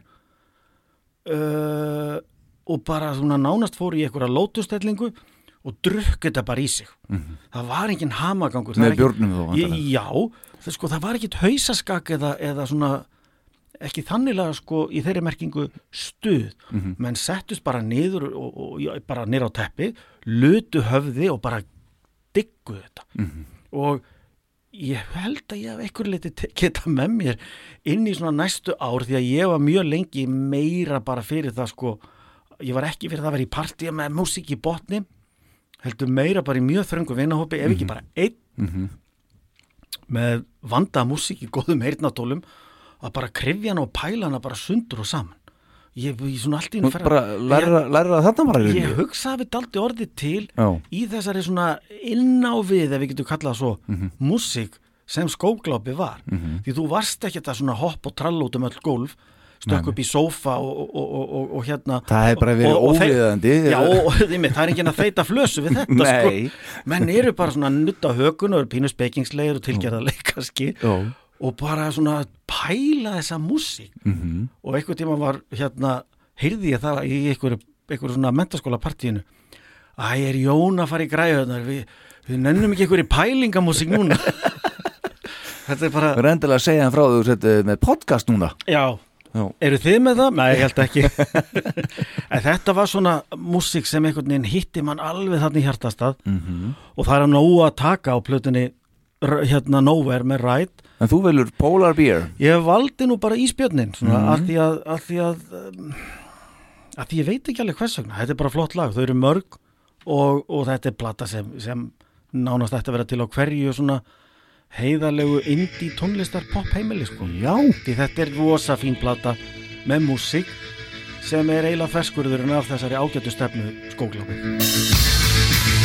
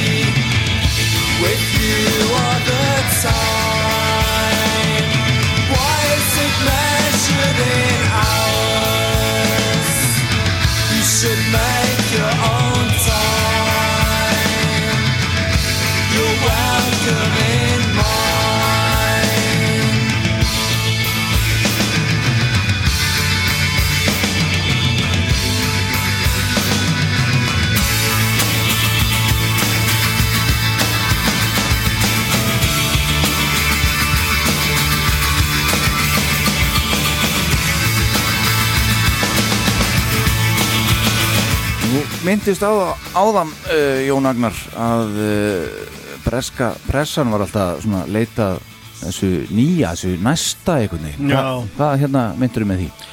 Ég meinti það með því að sko breska poppressan hafði búið við mjög uh, drjúgan kost frá því bara snemmi í sexunni þegar bílandi springa út. Það er að segja uh, suðu pottur dægutónlistar mikið til var á Breitlandsegjum og pressan bara naut góðs að því. Þeir voru alltaf í miðjan á því nýjasta og bara mörguleiti besta. Þeir áttu bílana í sexunni, þeir áttu Led Zeppelin í sjöunni, þeir áttu alla nýromantíkina til þess að gera í áttunni. En svo verður bara hverja vendi punktur auðvitað þegar Kurt Cobain og félagar sprengja bara leikin upp Eins og við minnst á. eins og við minnst á og það áttar en einu sinni snemma í nýjunni og allt í einu er svona sköpum maður segja miðja sköpunarkraftsins og, og, og, og, svona kannast, já, svona skurðpunturinn í allir í gerjuninni er ekkit lengur bara á Bretland segja hann er allt í nú komin bara þú veist til, til bandaríkjana af öllum stöðum til útnárans Seattle. Og og þetta er orðið miklu þingra en sko hefur verið cool að vera í mjög langan tíma því að sko breska poppressan hefur bara eh, svona, ég maður að segja litið niður á allt hart rock mikið til fram að því hún hlóa mölli krú og öllu, öllu, öllu glísrockinu sko í, í svona sent í, í áttunni Einmitt. En nú er bara komið ný kynnslóð, einhverja gutta og stelpna í stuttarambabólum og reynum galaböksum og þau eiga bara sviðið. Þau eru bara búin að breyta leiknum. Og þetta verður til þess að breska poppressan kemst í mjög alvarlega tilvistakreppu eiginlega sem varir út nýjuna. Því þeir eru bæði með sko andarteppu og hægðatræðu endalist að reyna að finna næsta stóra hlutin. Og það náttúrulega bara gengur upp og ofan veginn og bara tíðarandin í nýjunni þessum stórmerkilega áratug er bara mjög sérkennilegur. Að því dótið sem er sett fram af fólki sem er bara að hafa ofan að fyrir sjálfu sér með músikinni það er það sem verður að meginströmmnum sem er bara mjög galið. Mhm. að Nirvana verði allt í nött vinsælasta band veraldar er alveg stjörnu tjúla og alls konar svona þingsli eins og, eins og portisett sem við nú komið inn á. Og svo framvegis og svo framvegis sko. það er mjög sérkennlegt að þetta sé meðfram þú veist, einhverju fróðu en þetta nær einhverjum alls konar gull og platínu og markvaldri platínusölu, það er bara mjög sérkennlegt og allan tíman er oppin af breskri poppressu í alls konar vandragangi við að reyna að finna næsta stóra bandið að því þeir eru að drepast úr þrá eftir að fá að vera á staðnum þegar næsta bítlaði verður. Já, já. í staðis að bara fylgjast að rólegi með bara hvað er að gera skemmtilegt? Mm ok, við tekum á því. En þetta var viðvarandi í blöðunum sem að las og kefti sér eil allan þannan áratug að það var alltaf verið að berjast við að líma sko mm, þú veist þess að merki sjúgeisi bara er eitthvað skrítin merkimiði sem hérna er búið að búin til af poppressunni. Og hann er, eh, þú veist, gripin á lofti af plötu fyrirtækjum sem sko nota hann til þess að koma einhverjum böndum á þeirra vegum að framfæri. Svona, hérna, Já, já. Næsta skóglápsbandið þetta viljið, gjörðu svo vel. Einmitt. og svo framvegis og þetta, þetta er nákvæmlega það sem sko verður eiginlega bandinu sem var að ljúka við þessa fallegu tóna Ræt og lagið Polar Bear. Þetta er eiginlega það sem verður þeim að fjörtjóni. Það er að segja, þeir gefa út plötu 1990 sem er algjörlega frábær Nowhere og þeir gefa út aðra tveimur honum setna sem heitir Going Blank Again sem er líka algjörlega frábær. Þetta eru óumdeilanlega frábæra plötur en þeir eru mjólkaðir í drasl og þeir eru túraðir í rusl. Og allan tíman eru þeir alveg brjálar yfir þessum bansetta sjúgeis stimpli sko, vil ekki vita af honum. Mhm. en það er verið að hampa en bara þetta er þeir eru í, í hérna fylkingabrjósti skóglápsins. Þessir snillingar frá hérna Oxford og frábært band og þeir bara við báðum ekki með þessa vitleysu. Megum við kannski taka breyk og semja nýja músík? Mhm. Og eins og gerist undir þegar bönd túra mjög þétt og mjög lengi og mjög hart þá bara fá þeir upp í kokk hver af öðrum Mhm. og þetta verður þess valdandi að þegar kemur að því og það var gríðarlega eftirvænting fyrir þriðju plötu hljónstærinar að þetta verður þess valdandi að þeir eru orðin svo sko, fullsatti hver og öðrum að í stað þess að þeir taki upp þriðju plötuna eins og þeir tóku upp fyrstu tvær Nowhere og Going Blank Again það er að segja, þeir fara bara inn í stúdíó stingi í samband, gefa hverju öðrum high five og fá sér kannski eitt kaldan og svo djammaði bara þangar til þið líta hvernig annan, heyrðu, við erum eitthvað hér vinnum þetta áfram. Það er að segja, lögin fæðast bara svona lífrænt og verða bara skemmtileg að því þau eru svona sjálfsbrottin þarna nenna þeir því ekkit lengur þegar kemur að því að árin er hvað 1993 já og þeir þurfa að fara að henda í næstu plötu og þeir nenna því ekkit ég bara, ég, ég væntalega hugsa hverjum sig ég hef engan á að hitta þess að dúta fyrir í bara verða að fara inn í stúdíu og taka upp. Þannig að uh, þeir tveiminningar sem svona upprunlega stopnabandið Andy Bell og Mark Gardiner þeir bara skipta með sér verkum. Annar vill daldi í taktu tíðaranda fara daldi meiri í svona rári og jafnvel rockari áttir. Hinn er orðin hrifnari af svona segja svona nána, nánast eins og danstónlist. Og vill fara meira og þú veist út í, út í þannig bít og jafnvel, jafnvel rafmúsík og því um líkt sko. Þetta er, nána, þetta er bara bókstæla þannig annars semur aðra hliðin á plötunni það er að segja fyrri hluta geisladisksins sem var nú ríkjandi formátt á þessum tíma. Já, já, hinn semur setni hlutan já. eins og gefur að skilja að platan ójöfn og skrítin og flúttar það er ekki sérstakur heldasöpur á nei. og hún uh, hlaut nafnið hérna Carnival of Light. Mm. þegar hún kemur út ára 1994 og á þeim tímapunkti, já þau þóla bara ekki hvern annan. Platan er mjög léleg. Og eða svona hún er óðbóðslegt rap frá fyrstu tveimu plötun alveg afgerandi skellur hvað það var þar og þegar leið á árið 1994 þá bara, bara bárið þér kennsla þá staðrind sjálfur Mhm. Og bara höfðu það í flimti eða svona, segja, svona grínust með það sín á milli í viðtölum annars bara djúfull er þessi plata okkar léleg. Og þeir meiri sér sko hættu að tala um Carnival of Light og kvöldur einfallega sín á milli, jafnvel í viðtölum heyranda hljóði, Carnival of Shite. Er það?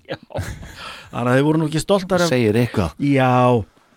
Og, og stemmingin sko batnaði nú ekki í framhaldinu. Þeir hendu sér í stúdíu aftur á 1995 til að taka upp fjórðuplötuna Tarantula og hún er líka hundléleg sko. Mm.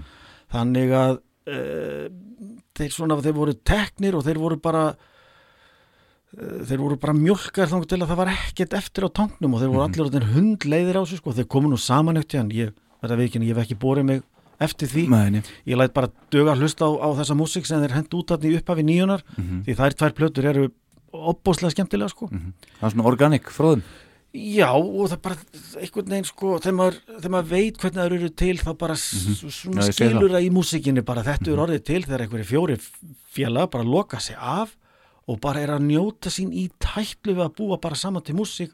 Og hún verður bara til í eitthvað skona sameinlegu átaki af fingurum fram.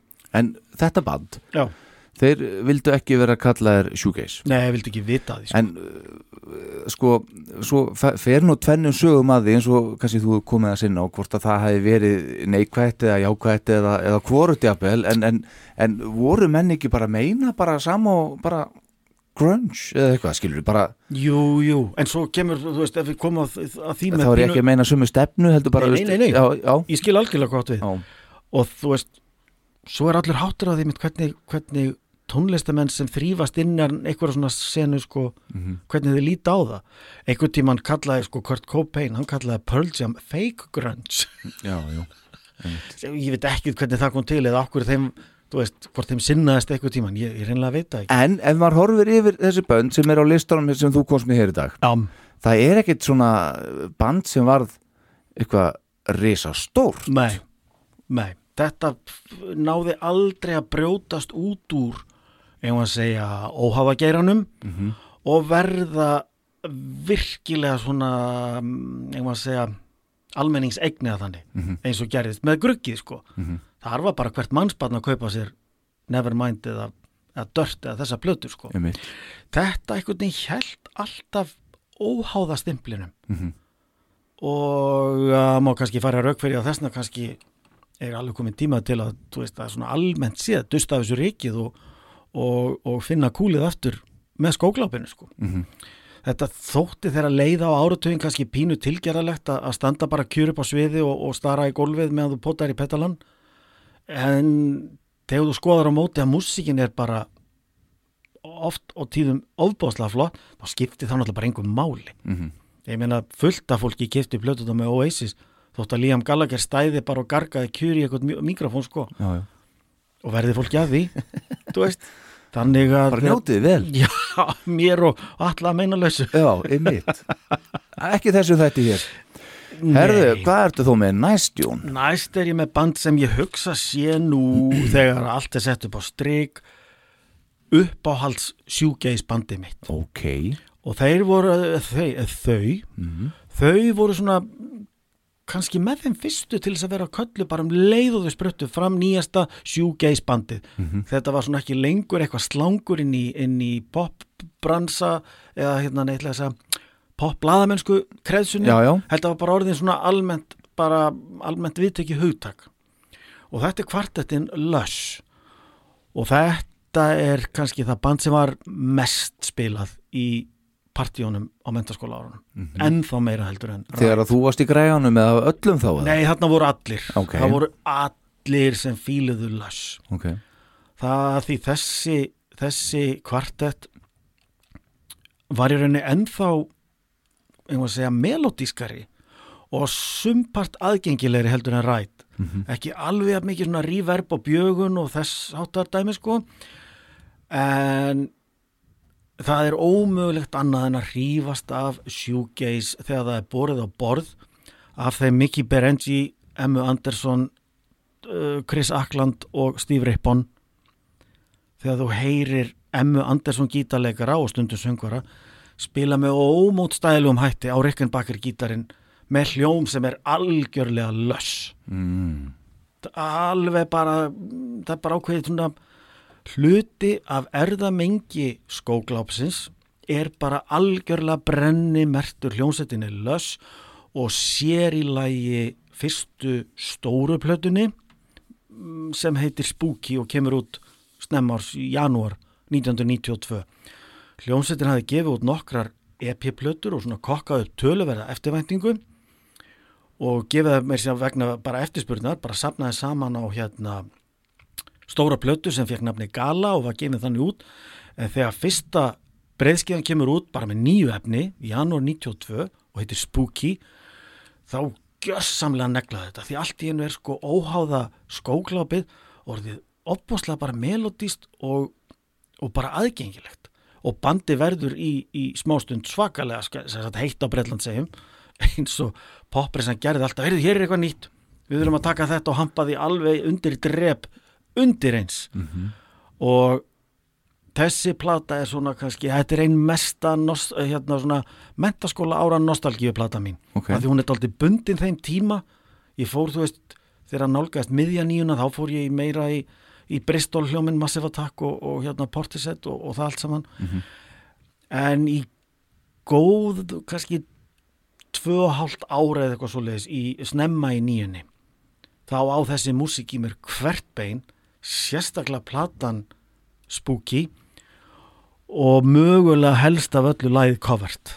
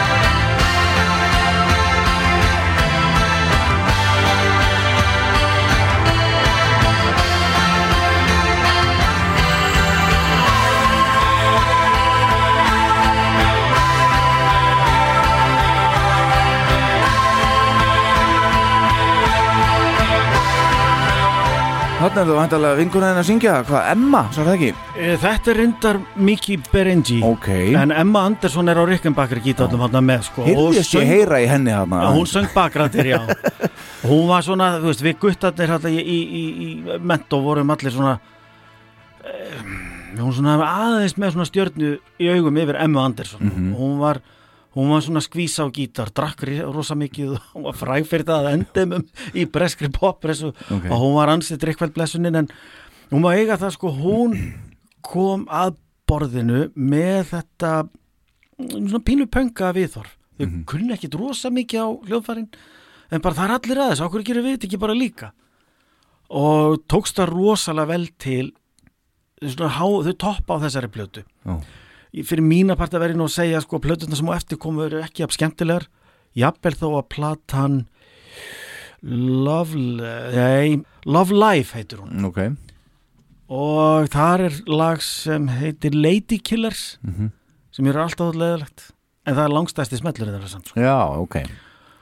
Og þá er þau bara svona eins og þau gerðu þetta aldrei þessi bönd þau ákvaða í, svona þá gerð gítar poprock sem við kallum Britpop. Mhm, og það var bara svartól sem gleifti allt sem kom nálætt í sko. mhm.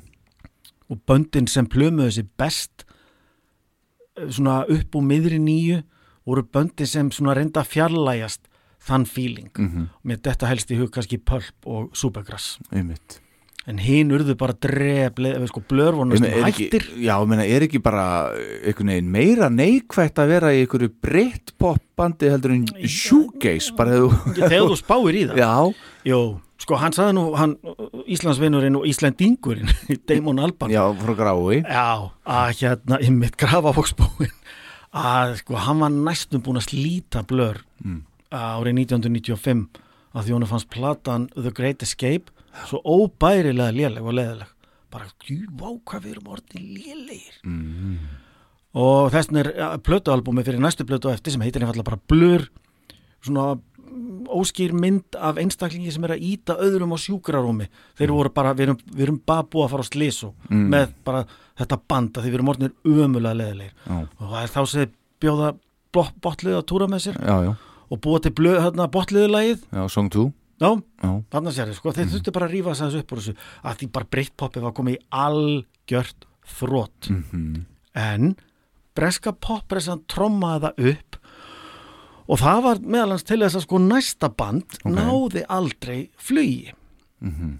Það er hljónstinn Slowdive og þetta er náttúrulega rosalega sjúgeislegt nafn. Heldur betur maður. Slowdive og þau það sem þau gjalda fyrir er að þau eru aðeins setna á ferð en aðrir. Mhm, þetta band er ekki stopna fyrir en 89 í hérna fótboltabænum meðal annars Redding. Mhm, og uh, uh, svona, hvað maður að segja þekktasti meðlimur var söngkonan Rachel Goswell sem var svona kannski mest áberandi meðlimur en þannig lagað. Eh, þau gáfu út tvær plötur. Svo fyrri heitir Just for a Day hún er allt í læ svo setni kemur út í mæ 1993 og heitir Sovlaki bara í höfuð á samnemdum grískum skyndibita. Þetta er bara kjöt á teini. Kannski þótti það ekki drosalega hérna kúl af bresku poppressunni að hérna að skýra plötu í höfuð á einhverjum grískum grillpinna en allavega sko urðaði breska poppressa mikið til yfir þessa plötu á sínum tíma. Ok, og svona nánast hjákáttlegt í endurliti að e, lesa eða kynna sér svona meðferðina sem þessi hljómsveit verði fyrir. Því þau voru kölluð tilgerðarleg og öllum svona nöfnum sko. Sko að vera sakar um að taka svo alvarlega af bresku poppressunni er náttúrulega bara eiginlega hlægilegt í sjálfu sér því að enginn í heiminum tekur sér jafn alvarlega svo breska poppressan sko. Og þá má ekki gleyma því að þú talar um bresku poppressuna Nei. þá ertu bara að tala um fólk já, já, Þetta, veist, þetta er hérna bara hverjir á vaktinni bara, uh, í rauninni já, Algjörlega. Nefn að þarna ákvaða menn er þetta sjúgeisi bara búið maður. Nú er það Britpopið sem helgaðist meðal annars af því að svo ágæta hljómsveit Sveit gefur út samnemdan frumburð. Og það varð allt ég man þetta sko, þetta er árið sem ég verið tvítur það verður allt vittlust í Brellandi ég held að sé eitthvað tölfræði til það að bandi var búið að ná sko gullsölu í forpöntum og eitthvað áður en platan kom út. Mhm. það var svo mikið hæp í kringum frumbursveit að það varð allt kolvittlust og þá ákvað breska poppressan að skóglápið er búið. Það er hallarislegt sem er ómaklegt í rauninni hvað þessa plötu var að því Suvlaki er bara rosa fín plata. Og alveg sama hvað vilt veist, kalla þessa músík þá er hún bara þetta er bara fín tónlist. Og þegar haft er í huga hvurslags affall hefur oft verið hampað af breskari poppressu sem er endalust í leitað uh, svo í sletti, the next big thing. Þá er bara, það er sko það er ósómi hvernig maður farið með slow dive þegar þessi plata kemur út. Og ef ég bara nefni sko eitt, tvö dæmi sem popp upp í kollin á mér. Ég man árið 1994 þá kemur fram band í Englandi sem heitir því tilgerðarlega nafni Menswear. Geti útlagst sem herratíska býst ég við. Mhm. og það voru þó nokkuð margir aðilar eh, svona pop skrýpendar í Breitlandi sem tókust allir á loft. Og eitt af því sem ég mann eftir að lesi var þetta er henni, þetta henni nýju uh, Joy Division sem er auðvitað bara algjör fásina.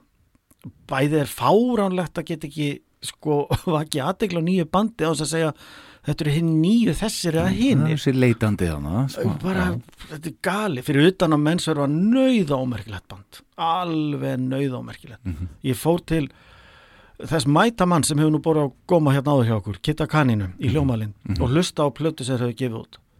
Nauða ómerkilegt en það fer engum sögum af mennsverð fyrir nýja síðar. Og þeir sko hérna annars skemmtilega og oft mjög vanda tímarit The Face. Þeir uh, platseruðu hérna Oasis, það er að segja söngvarannu Lían Gallagher á forsíðu eitthvað tíma 1994 og yfirskriftin sem var plasteruð yfir allt var The Sex Beatles. Já. Þetta er mjög líklega algjört hámarki tilgerð. Mhm. bara, uh, þú veist ég veit ekki hvað ég á að byrja með þessa nei. og annað poptímaritt sem var nú lengi í útgáfun er held ég búið að sapnast til fæðrana núna Q Magazine. Þeir voru ennþá á þessum sama bás í lok nýjunar, eða nei ekki alveg lok. Þetta er nú líklega ekki fyrir 97 þegar þriðja stóra plata Oasis kemur út Be Here Now, Mhm. fimm rauðar stjörnur. Já. Ég hef ekki lesið dóma í þessu tímariti síðan því þarna gjaldfeldu þeir sig fyrir lífstíð. Já, já. Það er bara svo einfalt. Tóku þátt bara í, í bara, partíinu, bara bylgjunni. þú veist, popskrýpendar í Englandi þeir þráðu svo að vera viðstattir næstu, næsta bítlæði. Næsta tilveru byltandi tónlistar atriði að þeir bara reyndu að tromma upp alls konar meðalmennsku og fóru þetta bara flatt á því Ég meina, þeir fóru bara flatt á því ég meina, var það þannig að þeir hefði búið til þetta sem þeir áttu áður eða? Komindi ekki allt bara frá einhvern veginn hjartanu, bara á listamarinn sjálfum? Jú, Rétt eins og frá Nirvana svo aðeins síðar og, jú, jú auðvitað Já, og bara, þarna var bara pressan að fara fram úr sjálfum sér í staðis að bara, bara hvaða listamar er þetta og hvað hefur hann fram að færa Mhm. Þá var bara ákveð, bara nú er næsta í aðsí einmitt, nema hún varða náttúrulega sjaldnast. Akkurat og meinið var og það sem þeir gátu náttúrulega ekki lifa með var að byltingi var í gangi í bandaríkjanum það var, það fó mjög illa í breska poppressu þeir áttu ofbóðslega erfitt með það eins og við sagðum aðan, söðupunkturinn og gerjunar potturinn Mhm. hann var ekki í einhverju gámunapoppi hann var bara í ráu rocki Mhm. vestur í bandaríkjanum já, já Svo hvað sem menswear eða öðrum miðlungsböndum leið sko. Má ekki gleyma því að bara sama tíma er bara, veist, Metallica komið með svörtuplötuna og eitthvað, Já, já, og verða náttúrulega bara megin ströms mega hetjur út um allan gangi. sko. Ég getur rétt ímyndað en þú vilt meina að þetta komið mjög illa við Í, þetta, þetta fór illa með dive og þau áttu sér eiginlega ekkert viðreistna von eftir þetta sko. það var nú bara það var bara eins og, eins og það var. En, en þessi plata, uh, Suvlaki er flott. Mhm. og þetta er svona bara handvalið dæmi uh, stórskemmtilega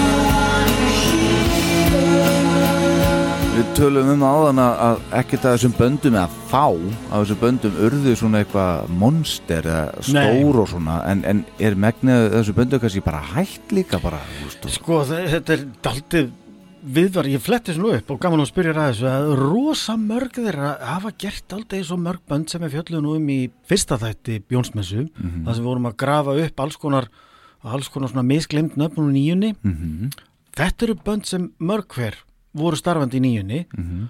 Og svona kannski síðustu sjö, átta árin hafa þau komið saman aftur. Og ég skal nú bara viðkynna, ég hef ekki haft mig eftir að, haft mig í það að hlusta að hlusta þetta nýjútkomna efni með þeim sko. Nei. ég bara of upptekið var að hlusta nýtt gefa efni. og er að gefa út nýtt efni þá? Já, já, Já. og hafa túrað og sko My Bloody Valentine.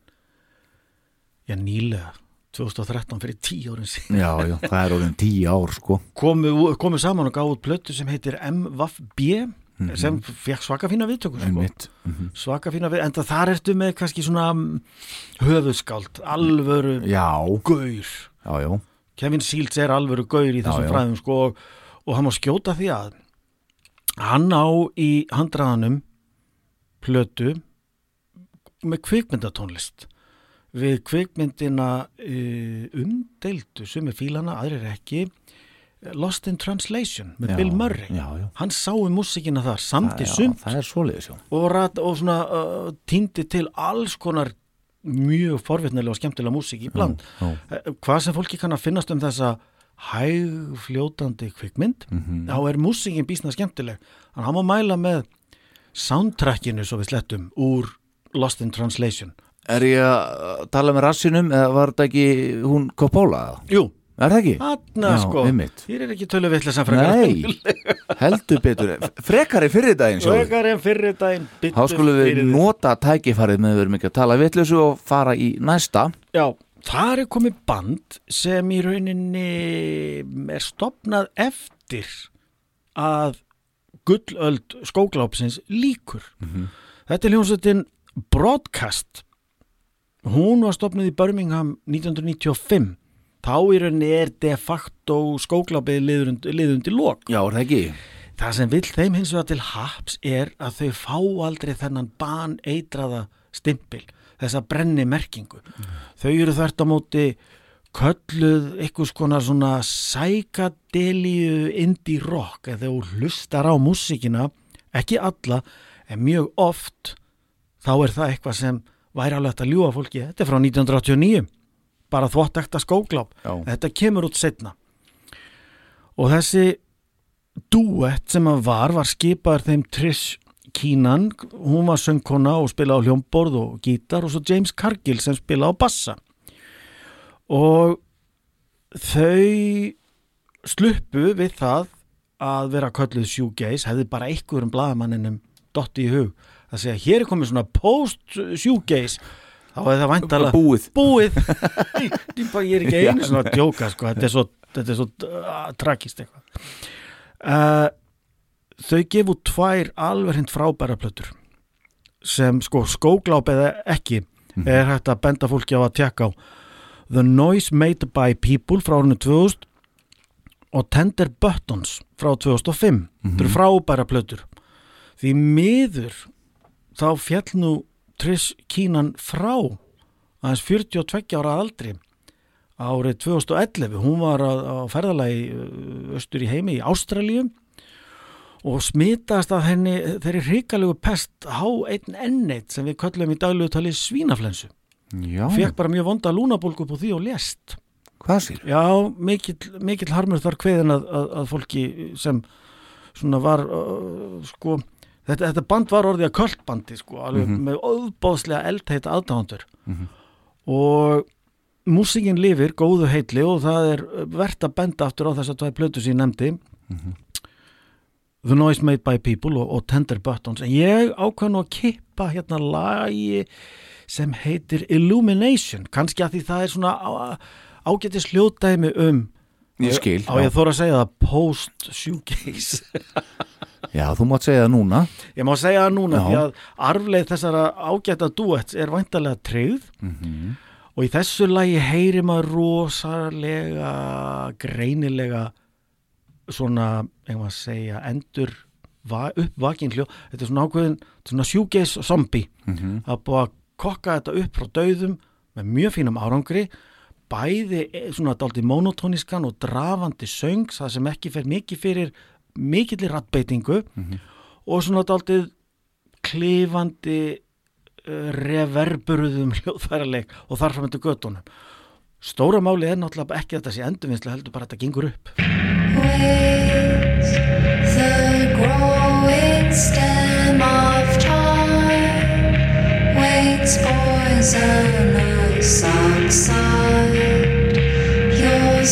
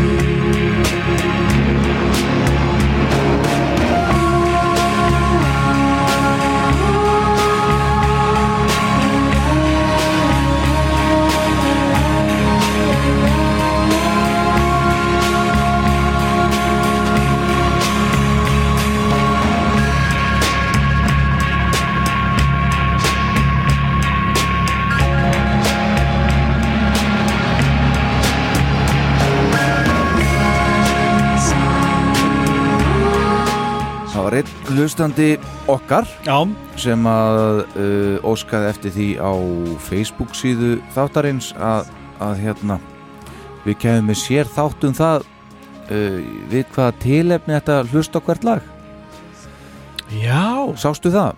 nei, þetta fór fram í mér Þannig að hvenær myndur þú hlusta á þetta lag? Við hvaða tækifæri myndur þú hlusta á þetta? Valla í flugstöðu það? Er þetta, hmm. eða eftirparti í sendiráði? Hér er stórt Já, sá merkið með bara fyrir Þýveri Corporation. Þú mátt hugsa þetta eins Já, þetta er, þetta er endar skemmtileg pæling. Já, Ég sko tónlist er alltaf eins og bjór. Það er alltaf til einhver bjór við hvert tækifæri sko. akkurat. Einmitt. Þannig að þetta, ég ætla að bræða þetta með mér. Jólabjóri, jólatónlist. Þetta er allt til. Þetta er allt til, þetta er, Einmitt. ég veit að ég geti reynda að hlusta á þetta við með að ég er að með að ég er að klæða mig kannski fyrir eitthvað þú veist, ég er að fara í útskiptaveslu Já, hérna núna um, um þessa helgi og það getur vel verið bara að rulli þessu lægi með broadcast í gegn svona því það er yfirvegu stemming í þessu en ég skinja samt aldrei skemmtilega undiröldu þetta geti henda mjög vel. Bara með að nú nýtið slöfuna? Meðan ég nýtti slöfun eða bindið púsa, púsa skóna og, og, og dressa mig upp í topp. Mm ég útiloka ekkert í þessum efnum. Ég er bara trúið þér. Já, Herðu, hvað er þú með næst? næst er band sem var alltaf einhvern veginn á jæðrinum á áðurnemdum mentaskóla árum því það var náttúrulega góðsend tíð skóklápsins Og þinn suðupunktur minn suðupunktur svona, snemma í nýjunni Mhm. e, það band sem einhvern veginn sko var oft spilað og svona einhverja spýrur á kantinu voru að reyna að tróða að en ég man að náði aldrei einhverju sko meiri átt að fótvestu það var alltaf verið að reyna að íta þessu dálítið ef við finnst ykkur þetta ekki jafn gott? Og nei, þetta er satt að sé ekki jafn gott og löss eða ræt eða eitthvað svo leið þetta er hljómsveitin Chapter House. Og menn hafa sagt að það hafi orðið þeim svo litið að, ég segi ekki kannski falli en hafi kostað á að þeir gengust allt upp í að vera sjúkeisband. Já, ok. Það svona Og stoltir að því veginn- Já, ég veit ekki hvort þeir hömpuðu sér sem einhverju sjúkeisbandi en þeir einhvern veginn töluðu ekkert ítla um hennan stimpil sko, kannski fannst bara næs að fá að fljóta með. Við erum hérna í félagskap með Ræt og Löss og við erum nefndir í sömu andra og mæblátti í Valentine og, og þar hann myndi göttunum Mhm. þannig að þeir gefa út plötu árið 1991 sem nefnist uh, nú þarf ég að brjóta hugan og heilan og er ég ekki betur að meira þetta? Þetta var svona plata sem þetta var geisladiskur eins og sumu komum með í, í hérna partíin. Já, hvernig kom hann út? hún, hún heiti Whirlpool alveg, mm, Mm, ég glemt þessu svo þvottavillin og æsku heimilinu. Akkurat Whirlpool hétt, hún kom út 91 þetta, mm þetta er geisladiskur sem rambaði partí. Mhm. og ég þurfti nú bara að fletta því upp fyrir þennan þátt að þeir hefðu gefið út meira því það fór engum sögum að þeim í framhaldinu. Ok, þessi plata áttali sína spretti hún talaði ágætlega inn í tíðarandan og ég myndi eftir læginu sem ég valdi. Pearl, það er ekki sem vest ok. En ég rúlaði nú plötunum með fram öðrum verkefnum í, í vinnunni svona í dag og eitthvað við hljóðheim þeirra tjapterásmanna að mörguleiti eldist eitthvað, ég, ég fæ ekki alveg fingur á það sett. Ok, það eldist ekki alveg að vel og kannski má bara finna þar ástæðana fyrir því að plötuna þeirra sem kom út uh, 93 Blood Music og svo Roundabout 96 það hefði bara engur sögum á þessum plötum sko. ég, man, ég hef enga tengingu við þetta ég man ekki eins og eftir þessi rauntíma sko. en Whirlpool hún svona hún var alveg partur af prógraminu hann að snemma í nýjunni og, og upp á þrengjandi einhverju spekulantar, reynda tróðs upp á okkur sko. En ég man bara að tjaptir hans náði aldrei sömu fótvestu hvorki í hugum okkar en í annars þar eins og til að mynda ræt og hvað þá stóru spámennir My Bloody Valentine og hérna Jesus and Mary Chain. En þeim var ekki alls varnað þeir áttu sitt moment í sólinni hérna snemma í nýjunni og lagi Pearl er, er já ef að fólk fílar þetta ekki þetta er allavega ágætti stæmi um bara alveg ágætlega hefna skókláp snemma í nýjunni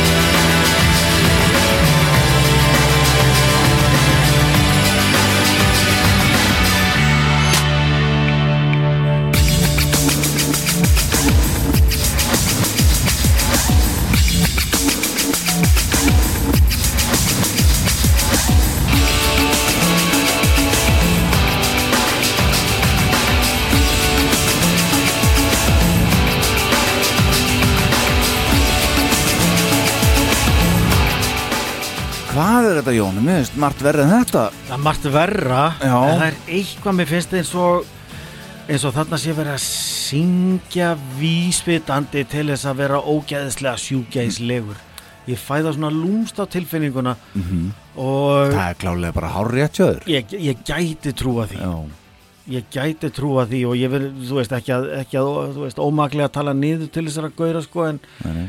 Þetta er einhvern veginn ekki alveg jafn, þvott ekta inn að kjarna eins og böndin sem best stóðu sig Mhm. á meðan skóklapið var á hétt þannig er það nú einhvern veginn bara stað en ég vona að Chapterhouse hafi nú haft ísuga á Já, heldur það ekki, geta keft sér út frá bransanum sko. Nýja þvóttal Jafnvel. Nýja Veit, það var eitthvað meira eitthvað hérna, hvað var það eftir í, í nýjunni? Það var, hvað var það? Já, eitthvað meira Whirlpool. Já, ég sverða þetta var náttúrulega bara merki sem bjóð til að, að, svona, Já, ég er það það var, Hvað var það eftir? ég man bara til Les Claypool. Nú, já, já, það er annað. Uh, Býttu nú, nú er eitthvað brjálaður sem mann eftir þessu líka. Já, já, ég meina, við bendu þá bara fésbóka síðu. Er það ekki? hérna, Einmitt. Jónsmessu Ég verið löngu búin að googla þetta fyrir það En allavega, ég gera það samt. Já, Já. sjálfsög Herðu, ok, þá þitt uh, næst síðasta lag næst síðasta lagið er að ég ákvaða að fara og róta upp í skóglápi sem ég hafi farið á misvið á sínu tíma. Ok, og þar gróf ég upp hljómsveit frá Englandi stopnu 91 sem heitir Secret Shine. Ég fæ ekki varist þeirri tilöksun að þetta sé dálítið tilgerðalegt nafn á hljómsveit. Já. Secret Shine. Þú hefðir ekki skýrt þitt band Secret Shine. nei, nei, nei. Alls ekki? Nei, bara alls ekki. Nei. Að þeir voru svona þeir fjallu fjallundi skilgreininguna skulum við segja. Já, ekki var nú ferillin burðugur en þeir eru nefndir í þessu samhengi. Ok. Og þeir eru kallað, þú veist was an English, eða British, ég man það ekki shoegaze band og svo framvegis. Ok, og það sem mér datt nú í hug við að drösla þeim á lappir upp úr glattkistunni og inn í Jónsmessuna var já, leifa bara hérna hlustundum að þess að svona spá hefði þetta band eflust, ef til vil átt að hvað er maður að segja, hljóta meiri vexend á sínum tíma? Ok. Við nú farið yfir það áður að, að það er ekki á vísan róið þegar kemur að því að meika það í músík. Aldeilis ekki. Og góð músík bara fær stundum að liggja óbætti á garði og enginn gefur þeim gaum. Já. var þetta kannski band sem hefði fyrir 30 ára síðan átt að hljóta aðeins meiri svona, hvað maður segja, fræðu frama Og kom bara einn plata eitthvað? Veistu, ég- það kom ein plata sem vakti einhverja svona minni áttar aðtegli Mhm. en ekki, ekki var nú fræðaförður en mikil í, í, í businessnum sko. Ok, en mér finnst aldrei fórhundilegt að heyra þú veist ekkert um Secret Shine. Bara null hvað, það verður mjög fróðilegt að heyra hvað þér finnst um útspil þeirra lagið Into the Ether af plötunni Untouched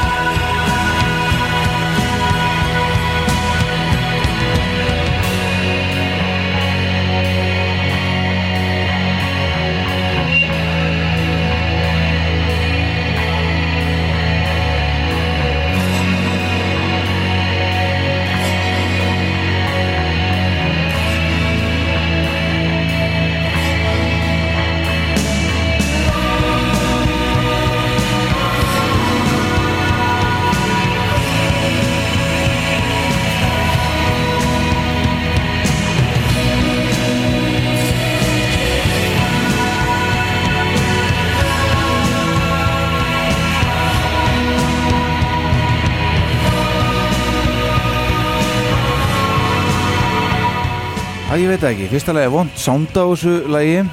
Sko, það, þetta er, sko, já, þetta er kjarnimálsi, það er dál til kunst Já, að láta þennan bjagaða e, surgandi hljóð þeim ganga upp. Mhm.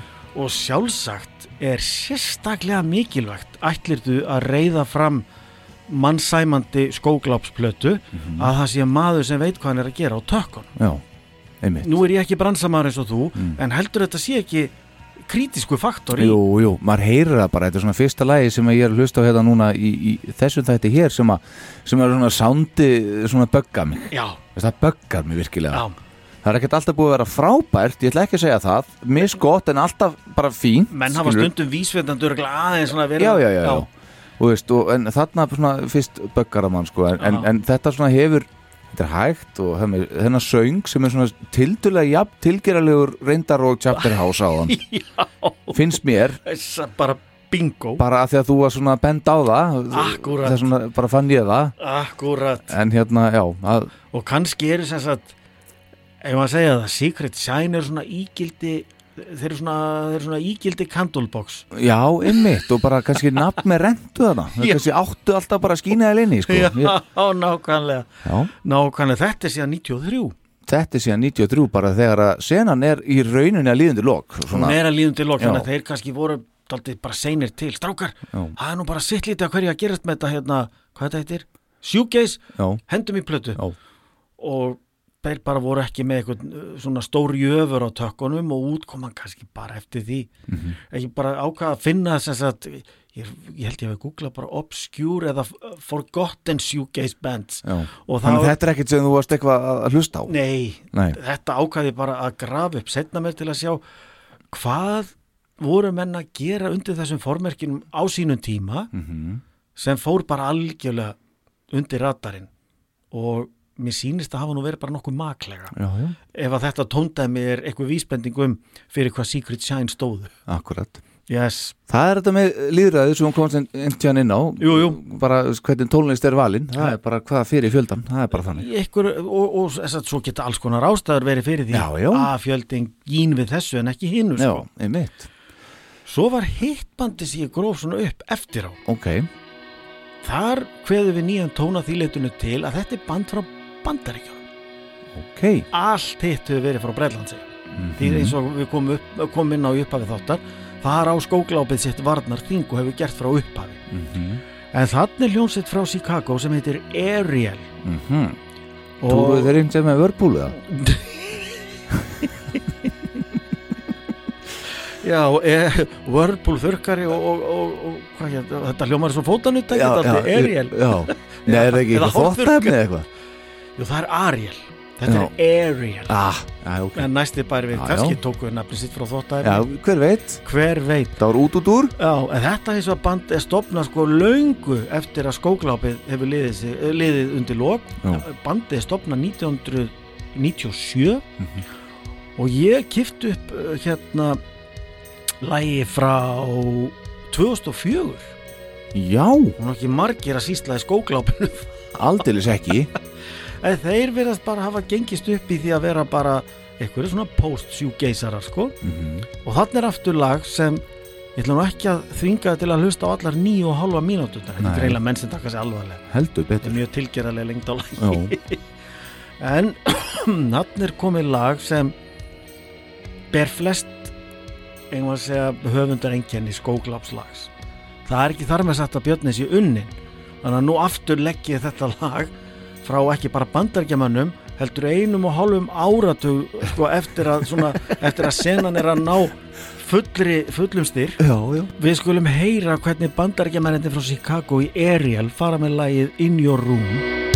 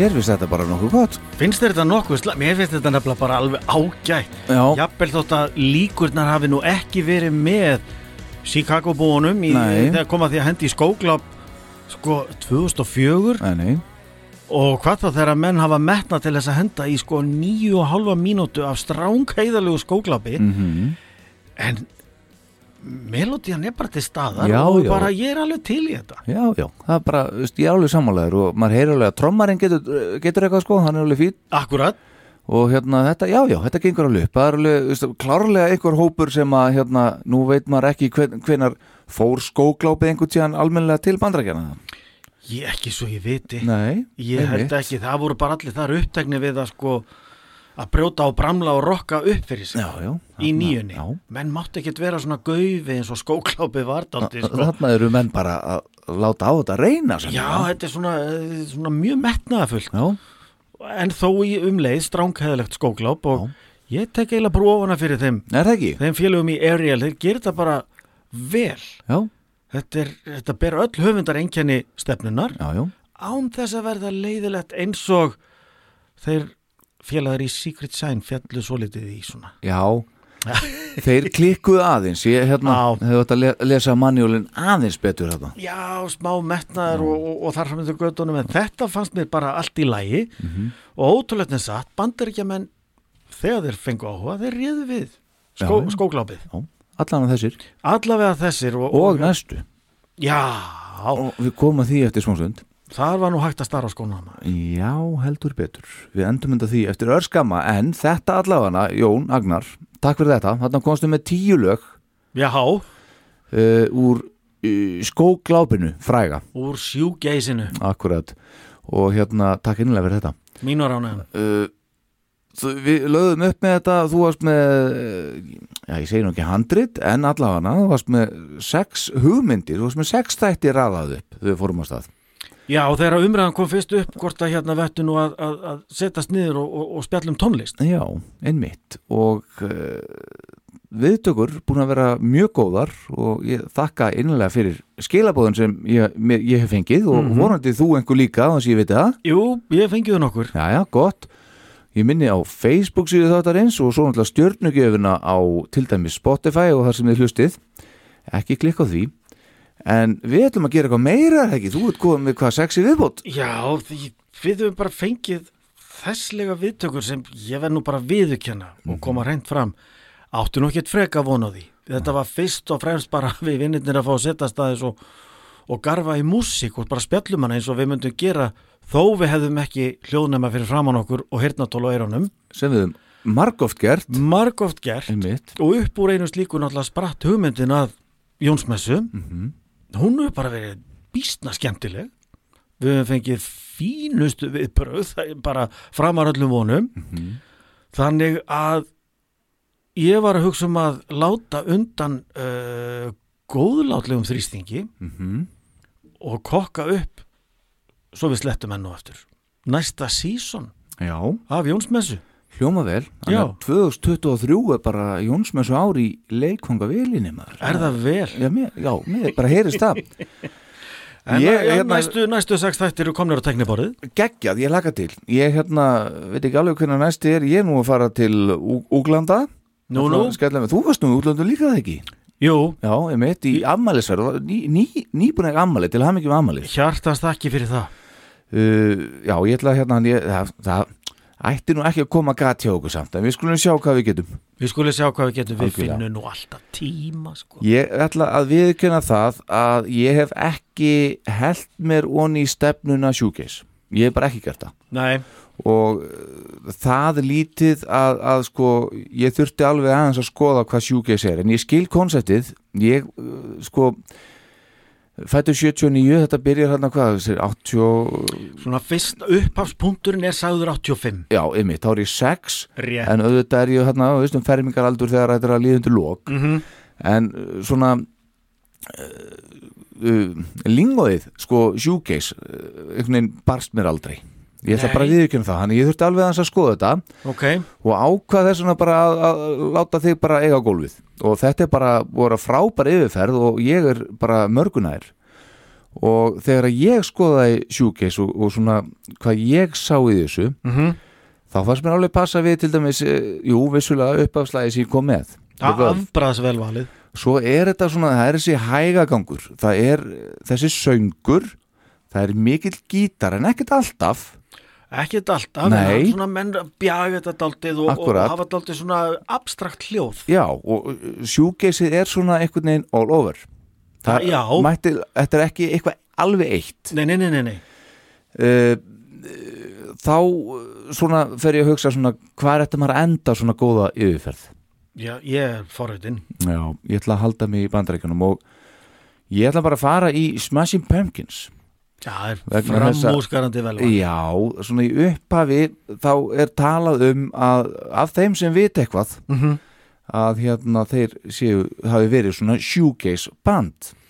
Þetta er nefnilega, þetta er fjandi vel spotta sko. Já, þetta er það nefnilega. Já. þegar maður fer að hlusta á þetta og aðeins að skoða svona, veist, hvað er hérna í kring að það er til playlistar á Spotify sem eru merti shoegaze mm -hmm. fullt af þeim, ég var svona að hlusta á þetta í svona aðdrand á þessu þætti og mér finnst það bara að passa vel. Og ég er bara sammálað þeim bladamanni sem að uh, ég las einhvað ég man ekki hver það var um þessa plötu uh, Simon's Dream sem kemur út árið 1993 þegar að stefnan er að líðundu lok. Smashing Pump- Pumpkins eru náttúrulega band sem að eru kannski meira þekktir bara sem svona alternative indie grunge eitthvað. Algjörlega. En þarna er svona þessi plata og þetta er fyrsta smásk hérna, lagi sem ætla að spila er fyrsta smáskjan sem að kemur uh, af þessar plötu mm -hmm. og ég, gott eða þetta ekki fyrsta lagið á plötunum líka bara minnir það, maður já ég ætla að tjekka því jú, jú, þetta er það og þetta lag með Smashing Pumpkins eftir Billy Corgan en ekki hvað hefur allt til brunns að bera hvað var þar? Shoegaze Já, og ef eitthvað segði við mig þetta er, ég, er- ég er bara fabulera með að við tölum saman. Já, ef eitthvað segði við mig að James Iha gítarleikari hafi verið undir gríðalegum áhrifum frá My Bloody Valentine og The Jesus and Mary Chain það bara kemur ekkert á óvart. Það er bara málið. Það er bara hans svona um, einkennis gítarleikur mm var ofbóðslega mikið undir þeim svona bjöguðu reverb áhrifum eitthvað. Já, já. Og sér, sér í lagi kannski á þessum fyrstu Giss Já, og, og Sæmi Stream. Akkurat, vegna þess að, sko, eins og ég sagði, þetta eru þeirra önnurplata, en sko, svo, þeir breytast kannski ekki, þeir svona þróast, klárlega. Bara eins og vörf, við vorum að hlusta á uh, bara uppröðandi efni með vörf hérna í upp, uppæði þáttas og, heldur og betur þetta er svona, hljómsveitir bara þróast og lifa viss lengi, Mhm. þau bönd sem við vorum að hlusta á hérna frá þér, þessi, tíu bönd, mörg af þeim, ekki öll, en mörg af þeim svona, lifðu bara stutt og fóru ekki alveg í gegnum þetta allt saman. Nei, og eruðu sjaldnast eitthvað sko stærðar en að nummer Akkurat og hérna tökuðu burtu kjúr og eitthvað svona sko auðvitað, auðvitað En, en þarna við byrjum þetta vörf og það er svona aðeins öðru sér saga með þá þó svo að þeir að gefast upp sjálfur líka en þeir tókuðu svolítið lengri tíma og svo þetta band hér Smashing Pumpkins. Og ég held að við ættum bara að enda þetta nú þegar og, og heyra þetta lag uh, sem heitir Jerub Rock. Right, og hlusti nú á þessi shoegaze áhrif skóklápið í þessu lagi. Yes sir, Jón Agnar Ólafsson Jónsmessa nr. 6 is out. Yes. Takk kærlega fyrir mig í bili Takk sömulegis kærlega til næst. Sömulegis